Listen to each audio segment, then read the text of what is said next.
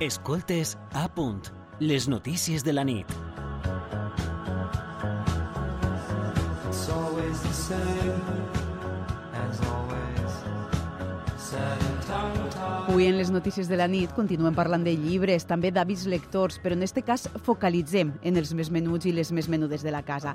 Segons el baròmetre d'hàbits lectors, que ja comentàvem ahir, la lectura en menors segueix sent molt majoritària. En el 73, 76, perdó, com a 3 de les llars, eh, per cent de les llars amb menors de 6 anys, els pares i les mares llitgen a les seues filles i els seus fills menuts.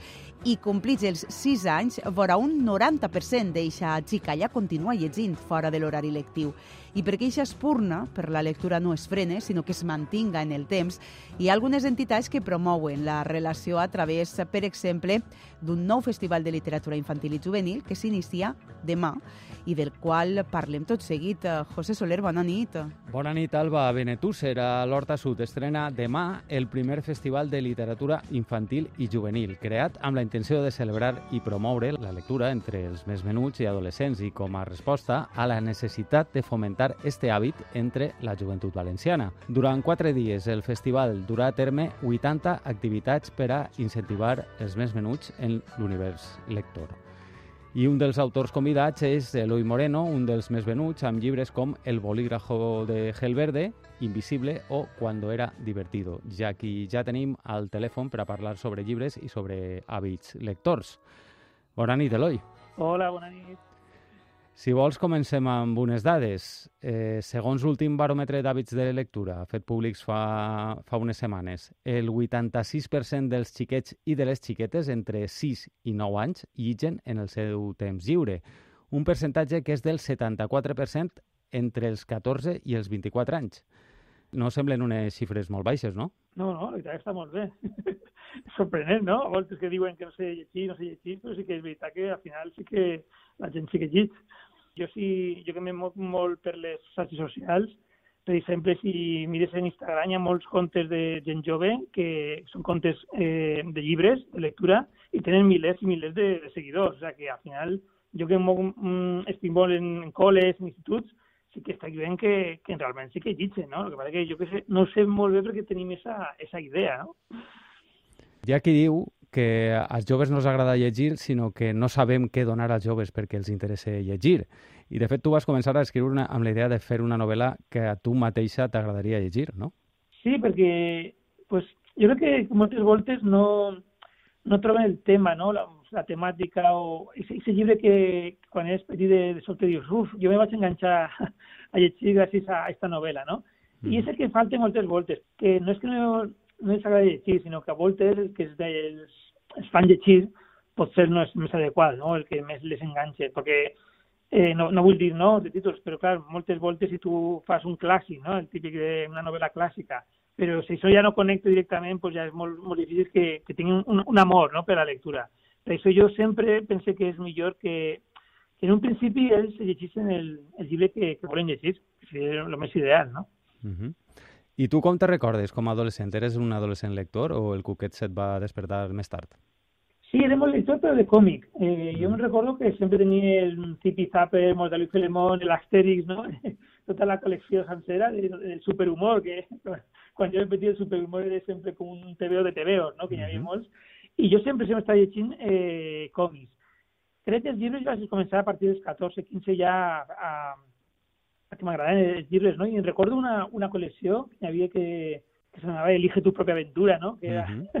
que jo crec que tots hem llegit algun llibre d'això, Sí, sí, sí. i això em va enganxar també molt, no? Però jo de petit era molt de còmics, eh? Un dels objectius d'este festival, que comença demà eh, a Benetússer, és fomentar l'hàbit lector entre la població jove. I ho deies abans, tu de fet has escrit llibres que estan recomanats al foment de valors com la convivència o que tracten temes com l'assetjament, realices visites a instituts o col·legis. Què et trobes quan fas aquestes visites? Jo que m'he encontrat, perquè he anat a, a, a podria dir, a, a milers, eh, a milers de, de col·les i d'instituts eh, durant els últims anys, sí que he que quan un llibre els agrada de veritat, els atrape, eh, no ho dicen, eh? estan ahí i encara a voltes volen més, no? volen a que continuï el llibre, no? faràs una segunda, una segona, una segona part, no? I jo crec que tot està, el secret està en que s'atrapa el llibre, no? eh, tots hem viscut de, de menús de que ens, ens donen llibres que, va, que mos, no ens agraden res, no? No, no vaig a dir títols, no? Però que diu, eh, això pareix que sigui més eh, una, una acció no llegir que a llegir, no? Jo crec que quan, quan troben un llibre que els agrada, i això ho he notat jo en, quan faig les visites, eh, tenen gust de, de llegir i de continuar llegint. Eh, segons la teva opinió, un xiquet i una, o una xiqueta que no llig de menut serà una persona adulta que no tindrà gust per llegir o tenim temps per a, per a invertir això? No, no sempre, eh? De... A més a més, jo, per exemple, eh, quan, quan vaig fer una, una assignatura de llibres, veig gent que jo no no ha llegit quan era petita, no? I, i has començat ara, als 30, als 40 anys, i molta gent em diu, mira, has començat a llegir els teus llibres perquè me s'han recomanat, però jo mai he llegit. No té, no té, no té per què, no? És veritat que si ja de, de menut tens l'hàbit de llegir és molt més fàcil que, que d'adult tingues. Però no vol dir que si no has llegit de petit, no, de, no sé, quan ja eres més adult no, no llegeixes. No, no té per què, eh? Parlaves ara de, del llibre Invisible, que aborda precisament una temàtica complexa, però que és lectura recomanada en 500 centres educatius i eh, ho deies també, has fet tallers sobre això, i és una sèrie que podrem veure en la plataforma Netflix, que és per a tu este llibre, Invisible. Pues mira, este llibre eh, és el llibre con el que jo vaig començar a estar en tot l'àmbit educatiu, no?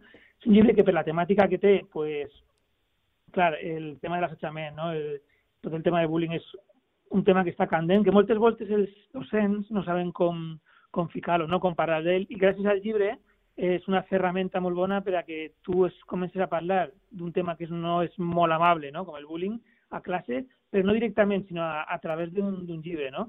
I a més a més és un llibre que ha, que ha, que ha agradat tant a, a menuts com a adults. És, és a dir, els pares el llegeixen i es recomanen als seus fills, i els fills eh, llegeixen i s'ho recomanen als seus pares, no? que això no, no quasi sempre, quasi, quasi mai, no? eh, passa en un llibre, que dues generacions tan diferents el comparteixen. De fet, fa, fa ben poc has participat en, en la segona edició del Dia Invisible 2024, com t'ha anat? Sí, eh, vas començar l'any passat, en Madrid van fer el, que fa, fa sí, cinc anys de que van fer la, la publicació del llibre, i van pensar que cada any eh, farien com el, en un dia de febrer, no? que va ser l'aniversari la, del llibre, farien com el dia invisible, no? I l'any passat va ser presencialment en Madrid i en guany hem fet online perquè també tinc molts lectors a, a Mèxic, a Colòmbia, no? Uruguai, per exemple, a Argentina, mm. i perquè puguem també participar. I per això aquest any s'ha fet de forma online. Mm -hmm. Doncs Eloi Moreno, moltes gràcies per atendre'ns i, i bueno, que vagi molt bé la, la inauguració d'este festival de, de Benetússer i llarga vida. Moltes gràcies, un plaer.